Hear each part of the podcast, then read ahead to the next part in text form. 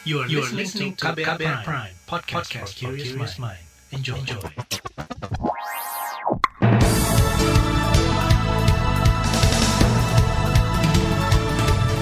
Selamat pagi saudara, senang sekali kami bisa menjumpai Anda kembali melalui program Buletin Pagi edisi Kamis 11 Februari 2021. Bersama saya Malika. Sejumlah informasi pilihan telah kami siapkan di antaranya Ratusan bencana melanda di awal tahun Indonesia siaga bencana. KNKT ungkap keganjilan sistem mesin Sriwijaya SJ182 ayam impor ilegal asal Thailand dimusnahkan di Aceh. Inilah buletin pagi selengkapnya. Terbaru di buletin pagi. Saudara, ribuan bencana melanda sejumlah wilayah di tanah air pada tahun lalu. Tahun ini Badan Nasional Penanggulangan Bencana BNPB mengingatkan potensi besar bencana masih akan terjadi, terutama bencana hidrometeorologi. Bencana hidrometeorologi disebabkan perubahan iklim, cuaca, dan puncak musim penghujan. Peringatan itu bukan main-main, pada awal tahun ini saja ada lebih dari 250 bencana terjadi di Indonesia. Saat ini sejumlah wilayah di Nusantara terendam banjir, sebut saja di Pamanukan dan Karawang, Jawa Barat, Jombang, Jawa Timur, Pekalongan, dan Semarang, Jawa Tengah, Kalimantan Selatan, bahkan DKI Jakarta. Di Pamanukan, Subang, ada 23 ribuan warga mengungsi karena banjir menggenangi 21 kecamatan dan lebih dari 15 ribuan rumah. Banjir berpotensi meluas ke wilayah lain. Gubernur Jawa Barat Ridwan Kamil meninjau lokasi banjir di Pamanukan, Kabupaten Subang kemarin. Peninjauan untuk memastikan masyarakat korban banjir mendapat bantuan dan penanganan yang baik.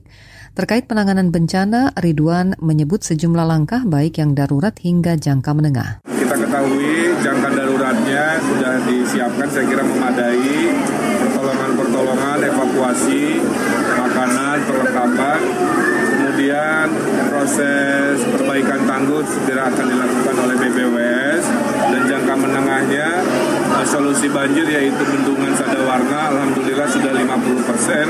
Mohon doanya.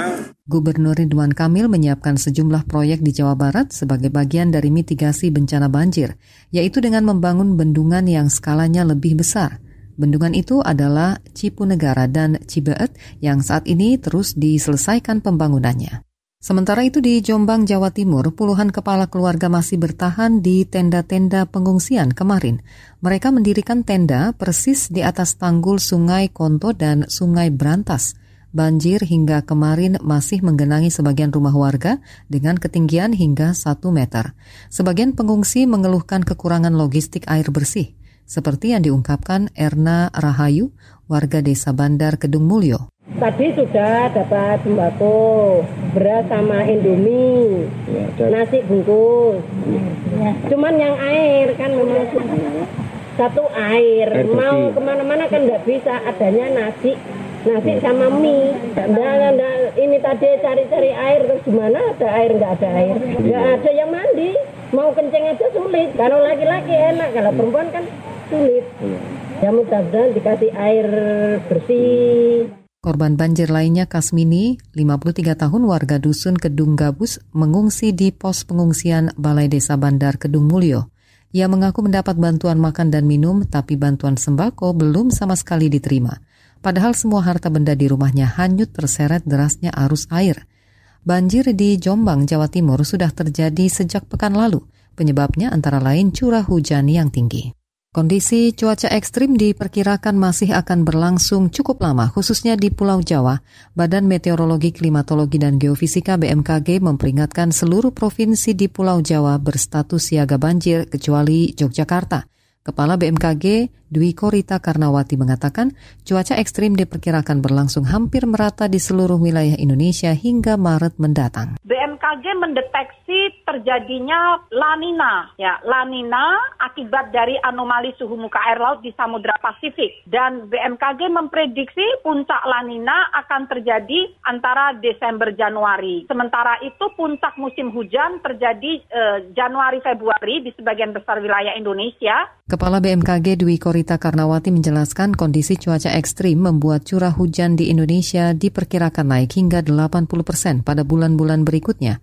BMKG mendorong agar para pemangku kepentingan seperti pemerintah daerah untuk mengantisipasi banjir, misalnya dengan menyiapkan evakuasi warga, pompa penyedot air, tempat pengungsian, maupun jalur pengungsian. Wakil Gubernur DKI Jakarta Ahmad Riza Patria merespon peringatan bencana yang disampaikan BMKG dengan sejumlah persiapan, mulai dari menormalisasi dan naturalisasi sungai, menyiapkan stasioner pompa air, menambah pompa bergerak, dan membangun sumur resapan drainase. Pemprov DKI juga mengoptimalisasi daya tampung air dengan mengeruk dasar sungai, waduk, dan situ. Badan Nasional Penanggulangan Bencana BNPB mengklaim kemampuan pemerintah mendeteksi, menganalisis, dan mengevaluasi risiko bencana cukup baik. Namun BNPB mengakui implementasinya tidak mudah, terutama di daerah.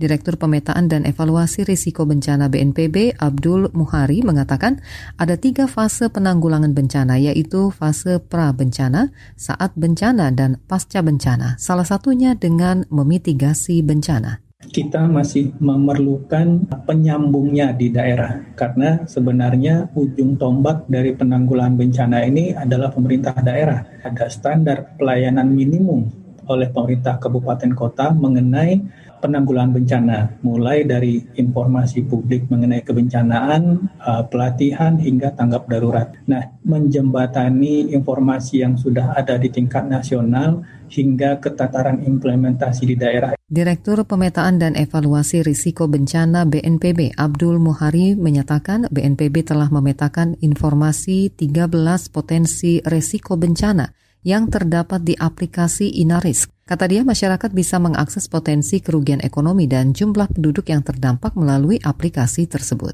KNKT ungkap keganjilan sistem tuas pengatur mesin Sriwijaya SJ 182. Informasinya akan hadir usai jeda. Informasinya akan hadir usai jeda. Tetaplah di Buletin Pagi KBR. You're listening to KBR Pride, podcast for curious mind. Enjoy!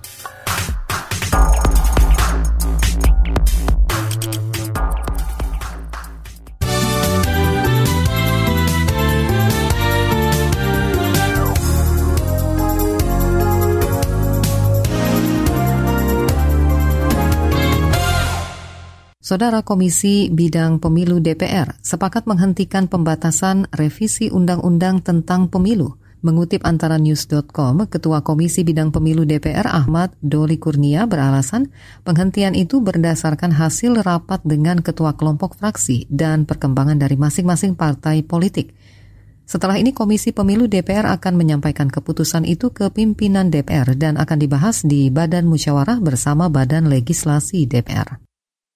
Sebelumnya, rencana revisi Undang-Undang Pemilu menuai perdebatan selama beberapa hari terakhir. Perdebatan terutama pada jadwal penyelenggaraan pilkada.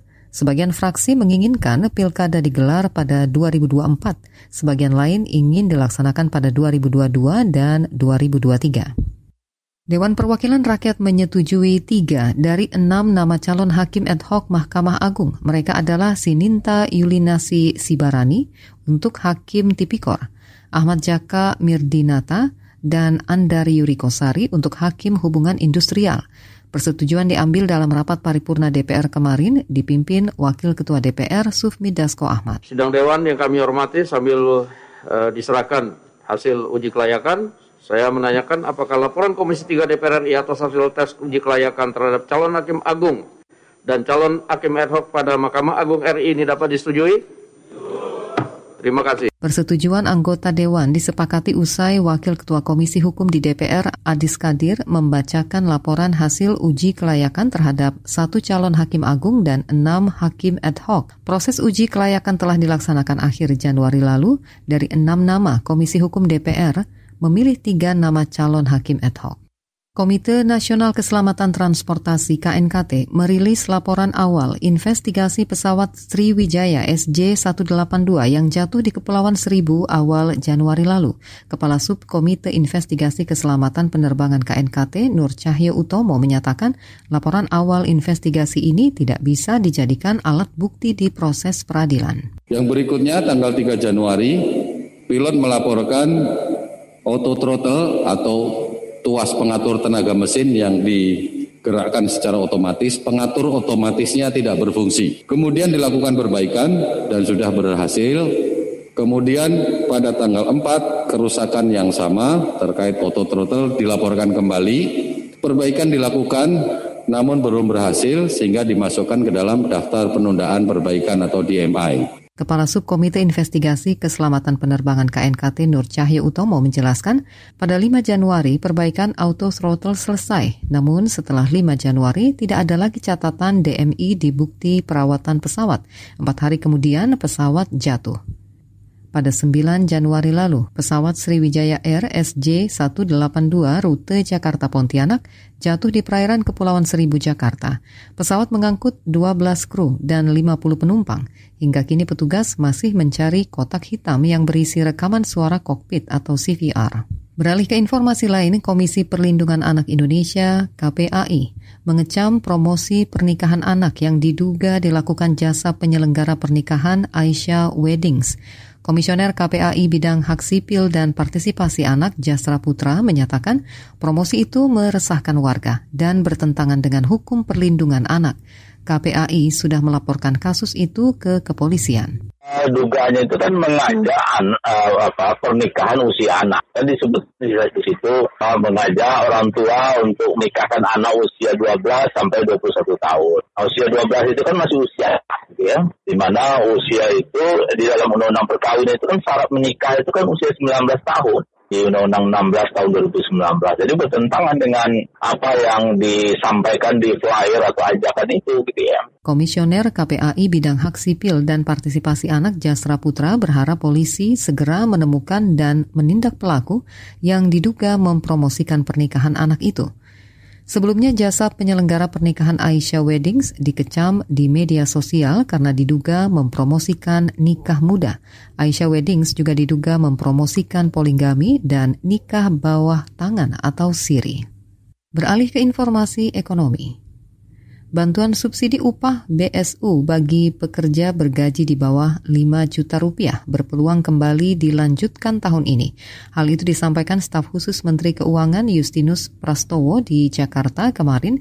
Kata dia saat ini pemerintah tengah memperbaiki sistem basis data. Apakah nanti akan diberikan? Bisa jadi karena program PEN ini dinamis. Yang kemarin belum ada, bisa sekarang ada dan sebaliknya. Nah, sama dengan prakerja itu didesain ulang supaya lebih responsif. Apakah nanti bisa diberikan lagi? Saya rasa ketika database sudah bagus, dipastikan ada data klinis yang memadai, tidak ada salahnya ini dipertimbangkan. Staf khusus Menteri Keuangan Justinus Prastowo menjelaskan program BSU dihentikan berdasar rekomendasi dari Komisi Pemberantasan Korupsi. Kata dia perbaikan data dilakukan karena pemerintah ingin bantuan tepat sasaran dan tak terjadi penyimpangan. Kita ke berita olahraga. Kepolisian belum mengeluarkan izin keramaian penyelenggaraan kompetisi sepak bola Liga 1 dan 2. Kemarin sejumlah pihak antara lain Menpora, PSSI, PT Liga Indonesia Baru, dan Satgas COVID-19 membahas tentang kompetisi tersebut.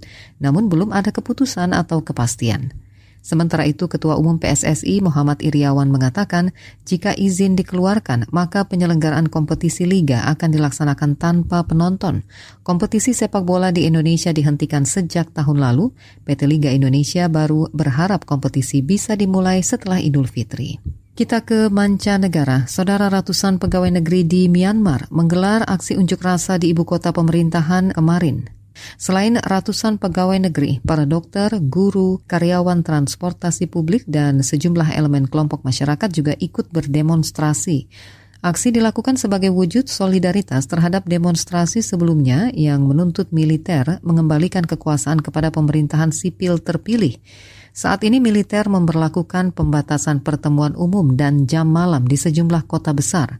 Sebelumnya awal Februari lalu, Panglima Angkatan Bersenjata Myanmar menggulingkan pemimpin de facto Aung San Suu Kyi sekaligus menahannya. Laporan khas KBR tentang mencari solusi penanganan limbah medis COVID-19 akan segera kami hadirkan tetaplah di Buletin Pagi KBR.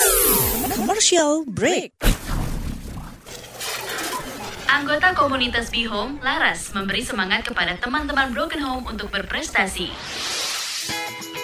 Kalian tidak sendiri dan keluarga yang patah bukan berarti menghancurkan hidup kalian semua. Buktikanlah bahwa anak broken home itu juga berprestasi dan bisa berkembang sebagaimana layaknya anak-anak di luar sana karena untuk menjadi anak yang berprestasi atau sebagai anak yang dicap nakal itu tidak hanya dari anak broken home, anak dari keluarga yang utuh bahkan dalam keluarga yang utuh namun di dalamnya banyak konflik pun itu bisa menyebabkan nakalan remaja lah istilahnya. Simak obrolan selengkapnya dalam podcast Disko, diskusi psikologi dalam episode Ketika Rumah Bukan Tempat Ramah di kbrprime.id dan platform mendengar podcast lainnya.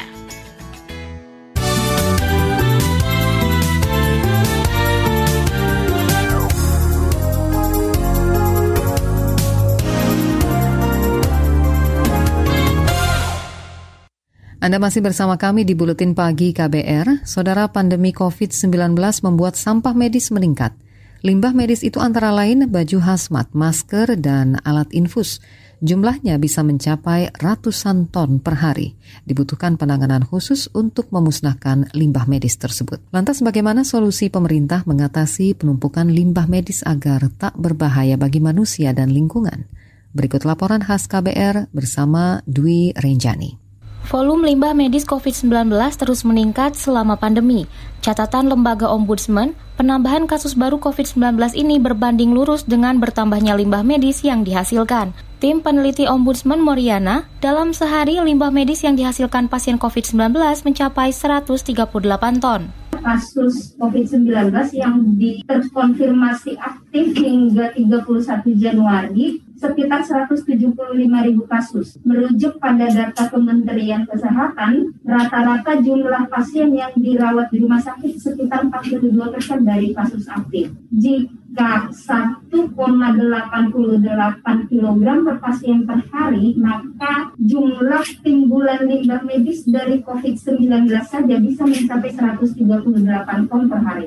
Membakar menjadi salah satu upaya yang bisa dilakukan untuk memusnahkan limbah medis tersebut. Hanya saja, sisa pembakaran limbah medis itu berisiko dan memerlukan inseminator. Namun, ketersediaan inseminator di beberapa daerah masih terbatas. Anggota Ombudsman Alvin Lee menyebut tidak semua daerah atau rumah sakit memiliki inseminator. Pertama kita masih kekurangan ya, karena tidak setiap pasien itu mempunyai inseminator. Kemudian ada juga pasien-pasien kecil-kecil, mereka kalau akan membuat alat pembakar sendiri, itu mereka juga harus mengajukan izin karena kita harus meminimalisir dampaknya. Ketika kita membakar limbah medis, asapnya ini kan juga berpotensi membawa polutan-polutan yang berbahaya bagi kesehatan. Menjawab permasalahan itu, Direktur Jenderal Pengelolaan Sampah Limbah dan B3 Kementerian Kehutanan dan Lingkungan Hidup Rosan Vivi Ratnawati mengatakan, kementeriannya memberikan izin kepada rumah sakit untuk melakukan pembakaran dengan syarat suhu 800 derajat. Kalau insineratornya tidak memenuhi syarat, maka dapat berpotensi untuk menimbulkan pencemaran udara. Tapi kami ketat betul dengan hal itu. Betul bahwa insinerator itu harus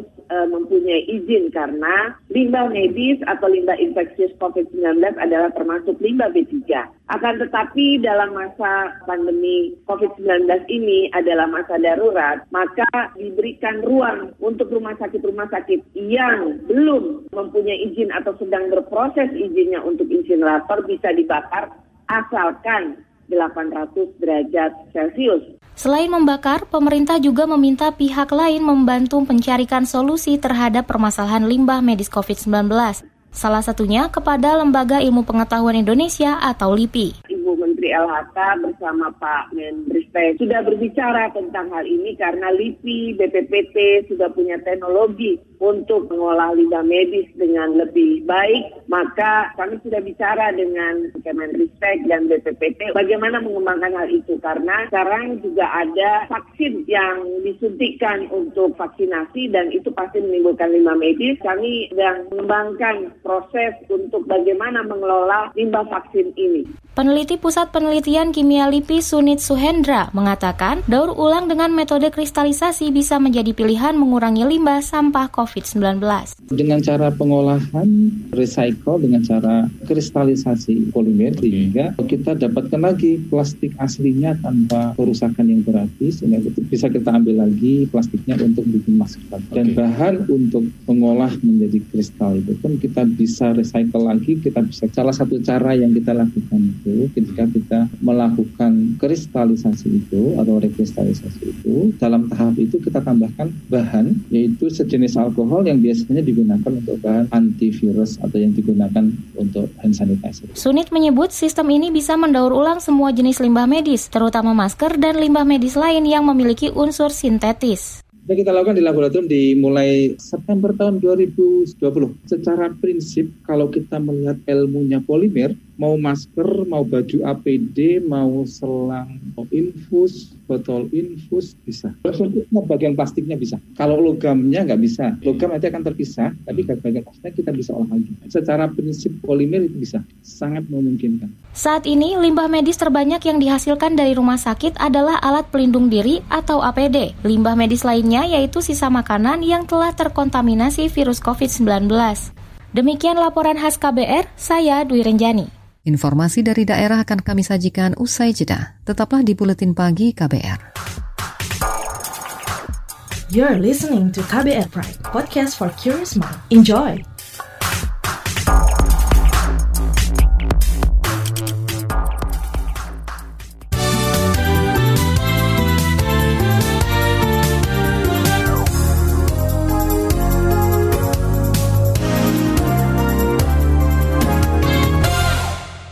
Inilah bagian akhir buletin pagi KBR. Saudara kantor wilayah Bea Cukai Aceh memusnahkan puluhan ekor ayam impor ilegal asal Thailand. Ayam-ayam itu diselundupkan melalui kapal motor tanpa nama di wilayah perairan Aceh Tamiang akhir Januari lalu.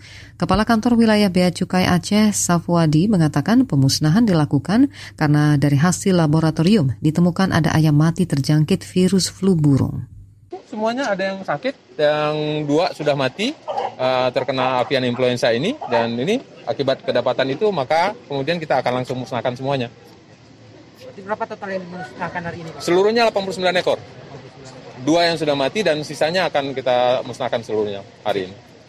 kura-kura sendiri? Kura-kura tidak. Kalau kura-kura karena tidak ada penyakit dan kemudian seperti tadi saya sampaikan bahwa kura-kura ini adalah makhluk invasif.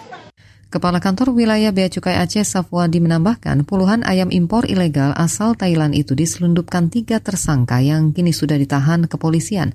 Selain ayam, ada juga tiga ekor kura-kura berukuran besar. Pembangunan ibu kota baru di Kalimantan Timur akan segera dilanjutkan jika pandemi COVID-19 melandai. Ini disampaikan Gubernur Kalimantan Timur Isran Nur berdasarkan janji yang disampaikan Presiden Joko Widodo.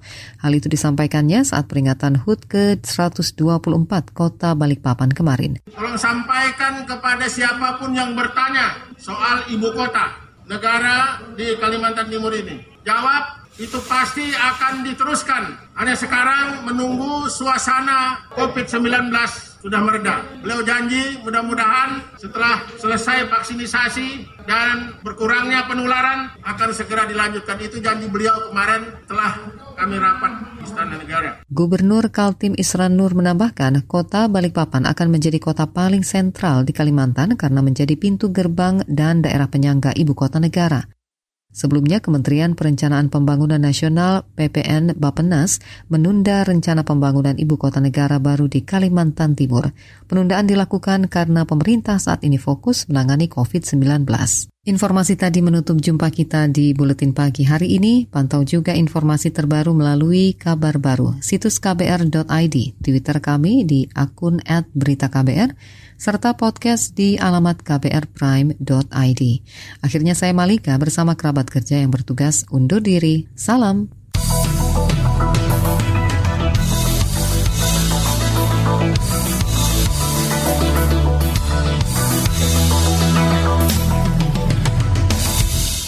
KBR Prime, cara asik mendengar berita. KBR Prime, podcast for curious mind.